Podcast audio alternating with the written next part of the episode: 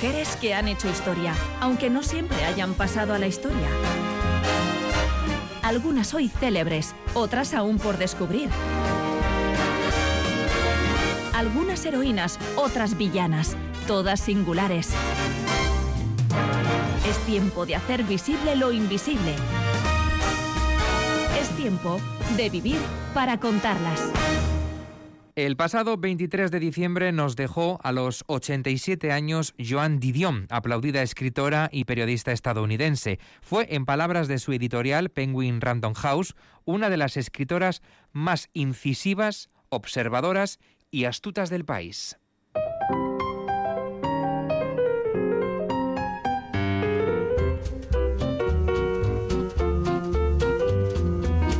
Nuestra protagonista engrosó las filas del periodismo literario, el bautizado como nuevo periodismo, que en la década de los 60 fusionó el oficio clásico con las técnicas de la narrativa de ficción y la implicación personal del reportero.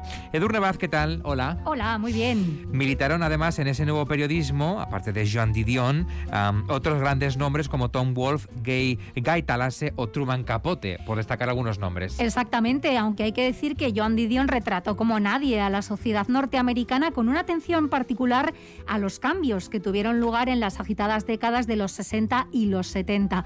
Cultivó un estilo muy personal en el que al tiempo que estaba muy presente en lo narrado, llegando incluso a hablar en primera persona, conseguía mantener una característica distancia respecto a las historias que contaba, una cierta frialdad, precisa, pulcra, concisa e incisiva, pero también con un pozo existencialista, incluso fatalista y confesamente melodramático. En palabras del Viralindo, su narración, aunque esté al servicio de los hechos, aparece impregnada por una prosa literaria, austera y eficaz, algo enigmática siempre. Hoy, en Vivir para Contarlas, nos adentramos en la historia de la gran observadora, como afirmaba The New York Times en su obituario, la gran diagnosticadora del desorden estadounidense y también probablemente la persona que mejor ha descrito el duelo.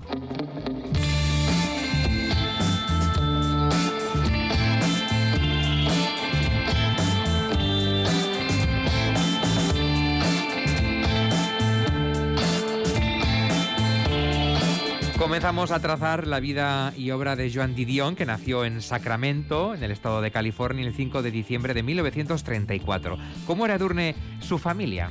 Su madre era ama de casa y su padre trabajó como vendedor de seguros hasta que estalló la Segunda Guerra Mundial, momento en el que se unió al cuerpo aéreo del ejército de los Estados Unidos y esta nueva ocupación convirtió a los Didion en una familia nómada que vivió en diferentes bases militares en Durham, Carolina del Norte y Colorado Springs. Cuando tenía cinco años, Joan recibió de su madre como regalo un cuaderno. Según sus propias palabras, lo hizo para que dejara de quejarme y aprendiera a entretenerme. Me dijo que escribiera mis pensamientos. Un buen regalo a los cinco años, un cuaderno. Bueno, más allá de lo recogido ¿no? en aquel diario, la inquieta Joan empezó a escribir eh, textos ¿no? de carácter protoliterario en torno a los 10 años. Em, eso ya nos indica, Edurne, que fue una, una niña muy, muy precoz. Exactamente, aunque hay que decir que ella declaró mucho tiempo después que no quería ser escritora, quería ser actriz. No me di cuenta entonces, sostenía, de que es el mismo impulso, es fantasía, es representación. La única diferencia es que un escritor lo puede hacer a solas. También había recibido de su madre otro peculiar regalo, un permiso firmado para que en la biblioteca local dejaran a aquella voraz lectora acceder a libros considerados de adultos. Y en ese contexto fue cuando descubrió algunos de sus grandes referentes como Hemingway. Aprendió mucho de él. Sí, como ella misma contó también, cuando era adolescente transcribía a máquina páginas de las novelas de Hemingway para intentar desentrañar el misterio de su prosa. Ella afirmaba, Hemingway me enseñó cómo funcionan las oraciones. Las suyas eran perfectas, oraciones muy directas, ríos suaves, agua clara sobre granito. En 1956, Joan Didion se graduó en la Universidad de California en literatura inglesa y en su penúltimo año de carrera presentó un relato corto a un concurso de la revista Mademoiselle y como primer premio ganó un puesto como editora invitada en esta revista. Pero fue otro concurso al año siguiente el que ya encaminó definitivamente sus pasos en la dirección deseada.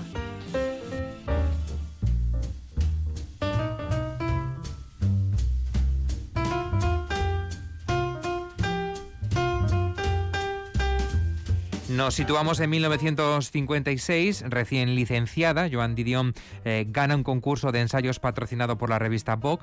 El primer premio era un viaje a París que Didion no llegó a disfrutar porque se centró en su verdadero objetivo, ¿no? Que era eh, otro, más que conseguir de alguna forma un trabajo en la revista. Hemos dicho que por su familia fue muy viajera, muy nómada. En cualquier caso, se sitúa y se traslada eh, a Nueva York. ¿Cómo era su vida allí?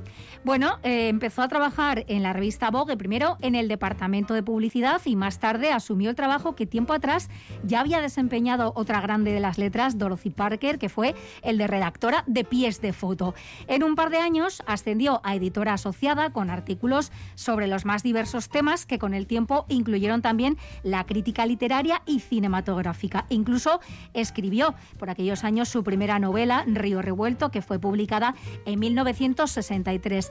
Empezó asimismo a colaborar como freelance con otras revistas y sus certeros análisis ya en los años venideros encontrarían acomodo en publicaciones como Life, Esquire, The Saturday Evening Post, The New York Times o The New York Review of Books, entre otras. Fue mientras trabajaba en Vogue en 1958 cuando en una fiesta conoció al que se iba a convertir en su futuro marido, el también periodista y escritor John Gregory Dunn, que entonces trabajaba para el Times. Se casaron en 1960 64 y decidieron dejar Nueva York. Se instalaron en Los Ángeles, California, donde vivieron y trabajaron juntos más de 20 años.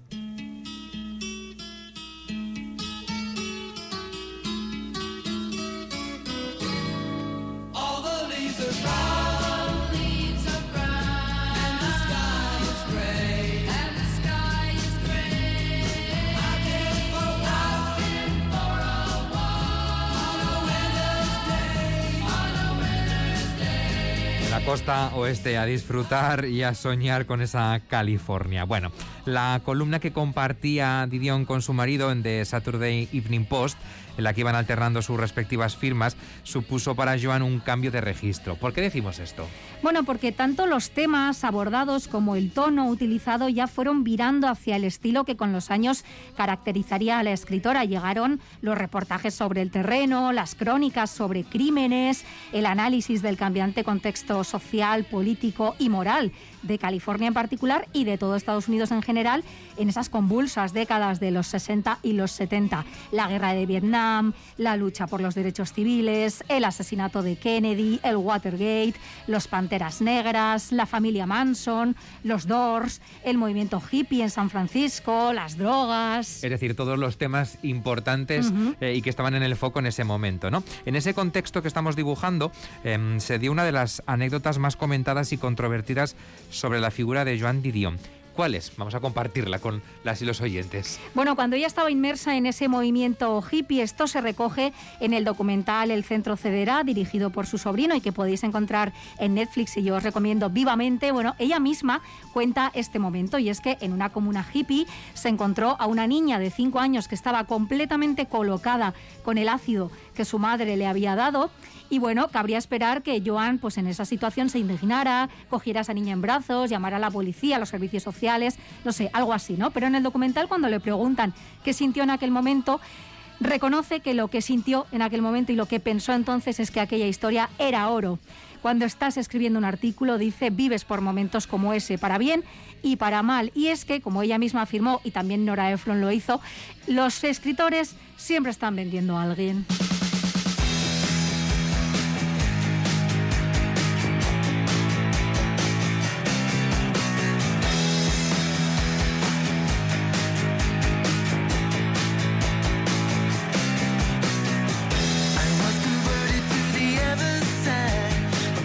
Algo muy extendido entre los y las escritoras, ¿no? Todo es material de ser novelable. Por supuesto. Absolutamente. Bueno, como afirmaba también Michelle Dean en su libro Agudas, Mujeres que hicieron de la opinión un arte, en las primeras etapas de la trayectoria profesional de Joan Didion, empezó a emerger la obsesión presente en toda su escritura posterior por las historias que nos contamos a nosotros mismos.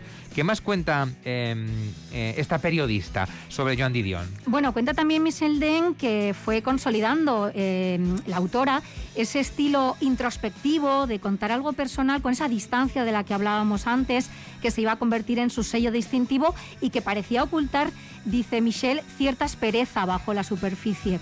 Durante aquel lazaroso periodo californiano, los cambios de ciudad, de estado o de domicilio fueron una constante para el matrimonio y para facilitarse las cosas, Joan utilizaba la olla famosa, célebre y, mm, vamos, imitada lista pegada con cinta adhesiva al interior de la puerta de su armario, con todo lo que tenía que meter en la maleta cuando tenía que salir apresuradamente en busca de información para algún reportaje en el que estuviera trabajando. Bueno, hacemos un inciso chascarril, nos cuentas qué eh, llevaba en esa maleta. igual está bien, ¿eh? Yo también tengo un papelito puesto ahí para adelantar, no tengo exactamente esto, pero ella llevaba dos faldas, dos camisetas, leotardos, un jersey, dos pares de zapatos, medias, sujetador, camisón, batín, pantuflas, cigarrillos y bourbon, así como un neceser con champú, cepillo de pasta de dientes, jabón, maquinilla, desodorante, medicinas, tampones, crema facial, polvos y loción infantil. Y como equipaje de mano, un chal de Moair, su máquina de escribir, dos cuadernos pautados, bolígrafos,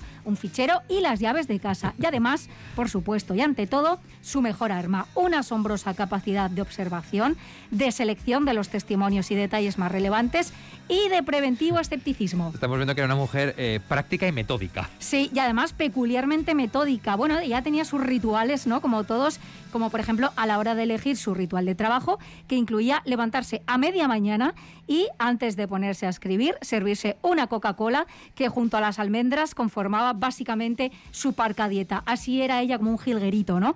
O como cuando cada vez que terminaba una novela metía el manuscrito en el congelador para, suponemos, tomar perspectiva.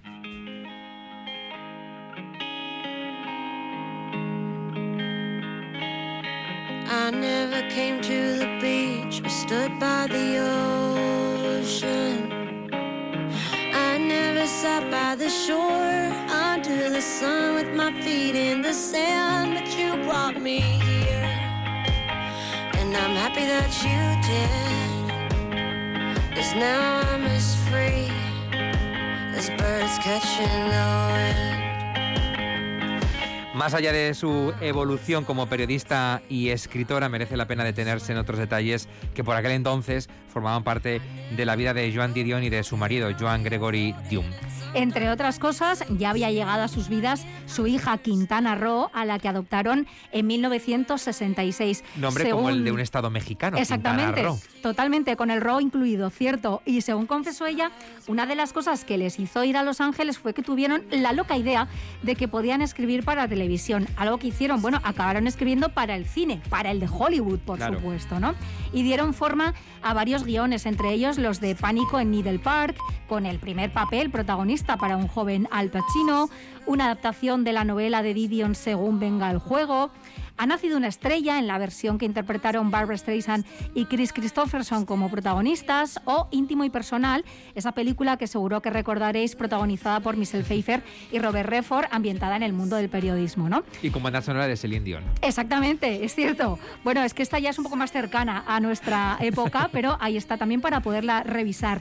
Y Joan y Greg se instalaron en una casa en Malibú, en la que llegaron a tener trabajando como carpintero, atención, a un jovencísimo y todavía desconocido Harrison Ford, que se gana la vida ahí, pues oye, como ebanista, ¿no? Total. Y no solo asistían a todas las fiestas que pudieran encajar en sus agendas, sino que ejercían también en su propia casa como anfitriones de invitados tan célebres y dispares como Janis Joplin, Martin Scorsese, Brian De Palma o Steven Spielberg. Ellos mismos se convirtieron en estrellas, o bueno, en particular ella, ¿no? Su esbelta constitución, su natural elegancia, los melancólicos ojos que solía esconder tras grandes gafas de sol, y su deliberadamente pausada forma de hablar hicieron de Joan Didion un personaje cool que despertaba el interés del mundo de la moda y sin ir más lejos lo mantuvo porque en 2015, ya octogenaria, protagonizó, fotografiada por Jürgen Teller, una campaña para Celine.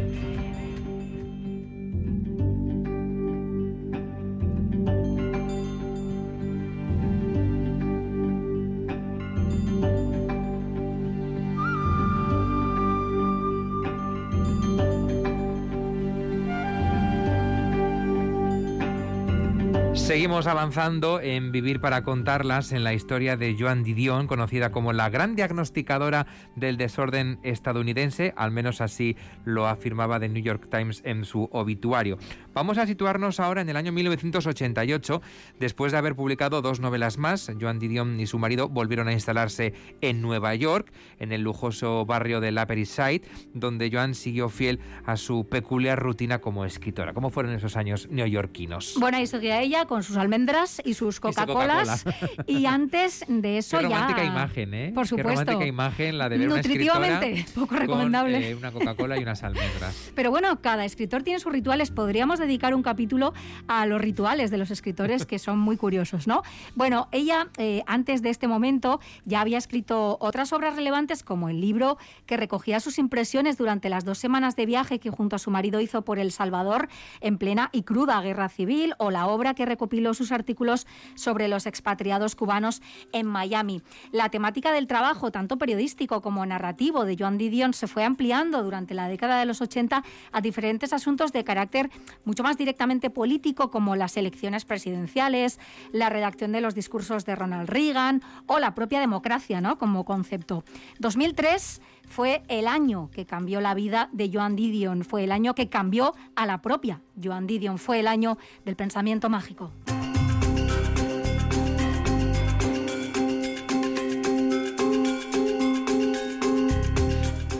En menos de dos años, Joan Didion tuvo em, no una, sino dos pérdidas irreparables que son las que le marcaron profundamente.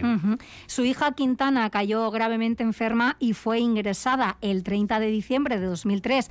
Tras regresar a casa del hospital y cuando se disponían a cenar, su marido murió, víctima de un infarto fulminante. Perdió al que durante casi cuatro décadas había sido su compañero de vida, trabajo, viajes y escritura. Se cuenta que pese a lo diferentes que eran sus puntos de vista y sus estilos narrativos, nunca entregaban un libro o un artículo sin que el otro lo revisara previamente. Como los dos éramos escritores y los dos trabajábamos en casa, contó ella, nuestras jornadas enteras estaban pobladas por la voz del otro. Esto lo escribió en el que probablemente es su libro más célebre, El año del pensamiento mágico. Se trata de una conmovedora, a la par que pulcra y sobria obra sobre la pérdida, sobre el dolor, sobre el duelo y sobre lo ridículamente chocante ¿no? que resulta en estos casos lo que Didion define como el instante normal. Cuando tenemos delante un desastre repentino, escribe, siempre nos fijamos en lo anodinas, que eran las circunstancias en las que ha tenido lugar lo impensable. Te sientas a cenar, añade, y la vida que conocías se acaba. La normalidad de la vida, de su vida, quedó de pronto, en efecto, destruida. Se entregó entonces al pensamiento mágico al que alude el título del libro. Fueron días de angustia, miedo, soledad y desamparo en los que la escritora sobrevivió convenciéndose, por ejemplo, de que si no tiraba los zapatos de su difunto marido, él volvería a por ellos. Que me lo devolvieran, confesó, fue durante aquellos meses mi objetivo oculto, un truco de magia. Por eso decimos, o decías tú al principio, ¿no? que es la persona que mejor ha descrito el, el duelo, ¿no? ese proceso tan, tan complicado. ¿no? el, el, libro del que estamos hablando, considerado una de las más certeras aproximaciones a este tema, al tema del duelo, y que pese a la temática no sucumbe en absoluto al sentimentalismo, obtuvo un sinfín de reconocimientos, eh, incluida además una nominación a los Pulitzer. Exacto, fue finalista y en palabras de la también escritora Elvira Lindo, es mucho más que todo eso, ¿no? Es su gran reportaje, un estudio hondo, parco, duro, brutal sobre una mujer que de tener anclajes en la tierra se ve suspendida en el terreno que más nos aísla de otros seres humanos, el del dolor sin consuelo. Dos meses antes de la publicación del Año del Pensamiento Mágico, falleció también Quintana, su única hija, con solo 39 años.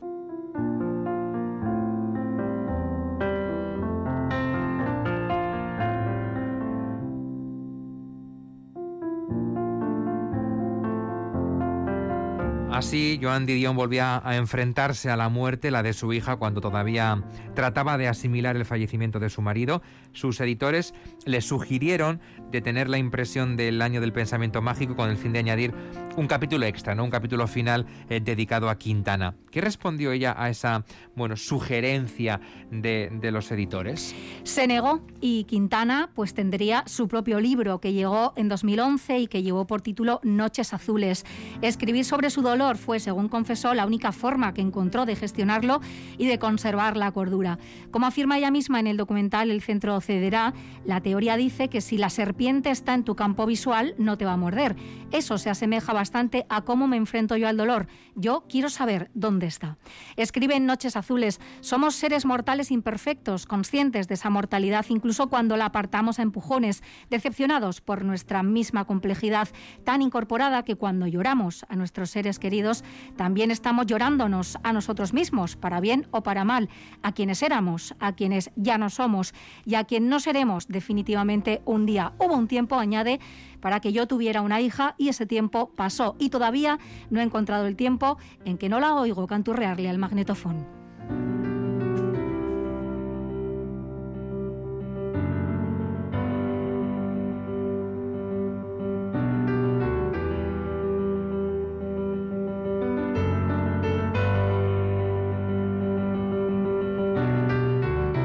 Llegamos así al final de este Vivir para contarlas, dedicado hoy a Joan Didion, a la gran observadora, la que mejor ha retratado el duelo.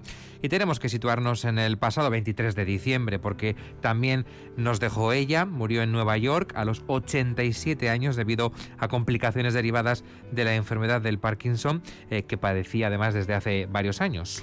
Se apagó su menudo cuerpo, 1,57 metros de altura y poco más de 40 kilos, tras perder a su marido y a su hija. Joan Didion se lamentó en su día de que ya nadie iba a sobrevivirla, pero en eso se equivocaba porque la sobrevive su vasto y celebrado legado, cinco obras de ficción, una docena de obras de no ficción y antologías, como la muy recomendable Los que sueñan el sueño dorado, que es una muy buena forma de acercarse a su trabajo periodístico, media docena de guiones de cine o la adaptación teatral de su obra El año del pensamiento mágico. Joan Didion siguió escribiendo hasta su último aliento y entre otros muchos reconocimientos recibió la Medalla Nacional de Humanidades de manos del entonces presidente Barack Obama, quien se refirió a ella como una de las mentes más brillantes y una de las observadoras más respetadas de la política y cultura estadounidense.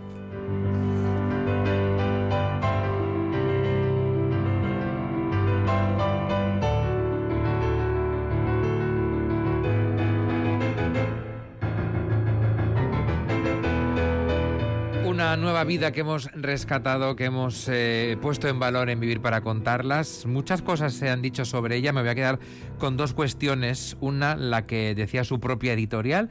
Em, consideraba a Joan Didion una de las escritoras más incisivas, observadoras y astutas del país. Tú decías la gran observadora.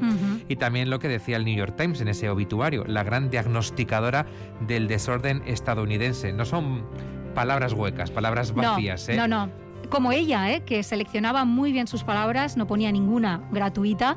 Era muy certera también para esto. Se lo enseñaron en Vogue, donde le tocó lidiar con una jefa muy exigente en este sentido y, por supuesto, también esa otra faceta, ¿no? La suya como gran descriptora del, duelo ¿no? y del dolor por la pérdida. Dos libros fantásticos, El año del pensamiento mágico y Noches azules, en el que además se reflexiona también sobre la propia vejez. ¿no? Bueno, pues en este espacio siempre nos gusta, y es el objetivo con el que nació, empoderar y poner en valor a muchas mujeres. Algunas de ellas han logrado pasar a la historia, otras han estado en la historia, aunque quizás no han tenido ese papel relevante o no les hemos dado ese papel relevante. Y aquí lo hacemos cada semana en Vivir para contarlas y su encargada de darles voz es Edurne Baz. Es que Es erratic.